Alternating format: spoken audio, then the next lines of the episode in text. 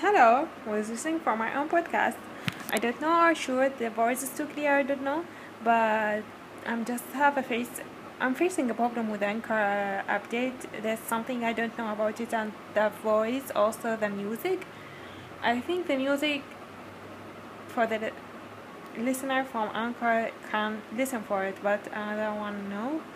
Uh, I don't know what's happened for this update. I don't know. I like it, but there's something I don't like. I don't like the logo also, and then I should to message them and maybe I will prepare this thing to yeah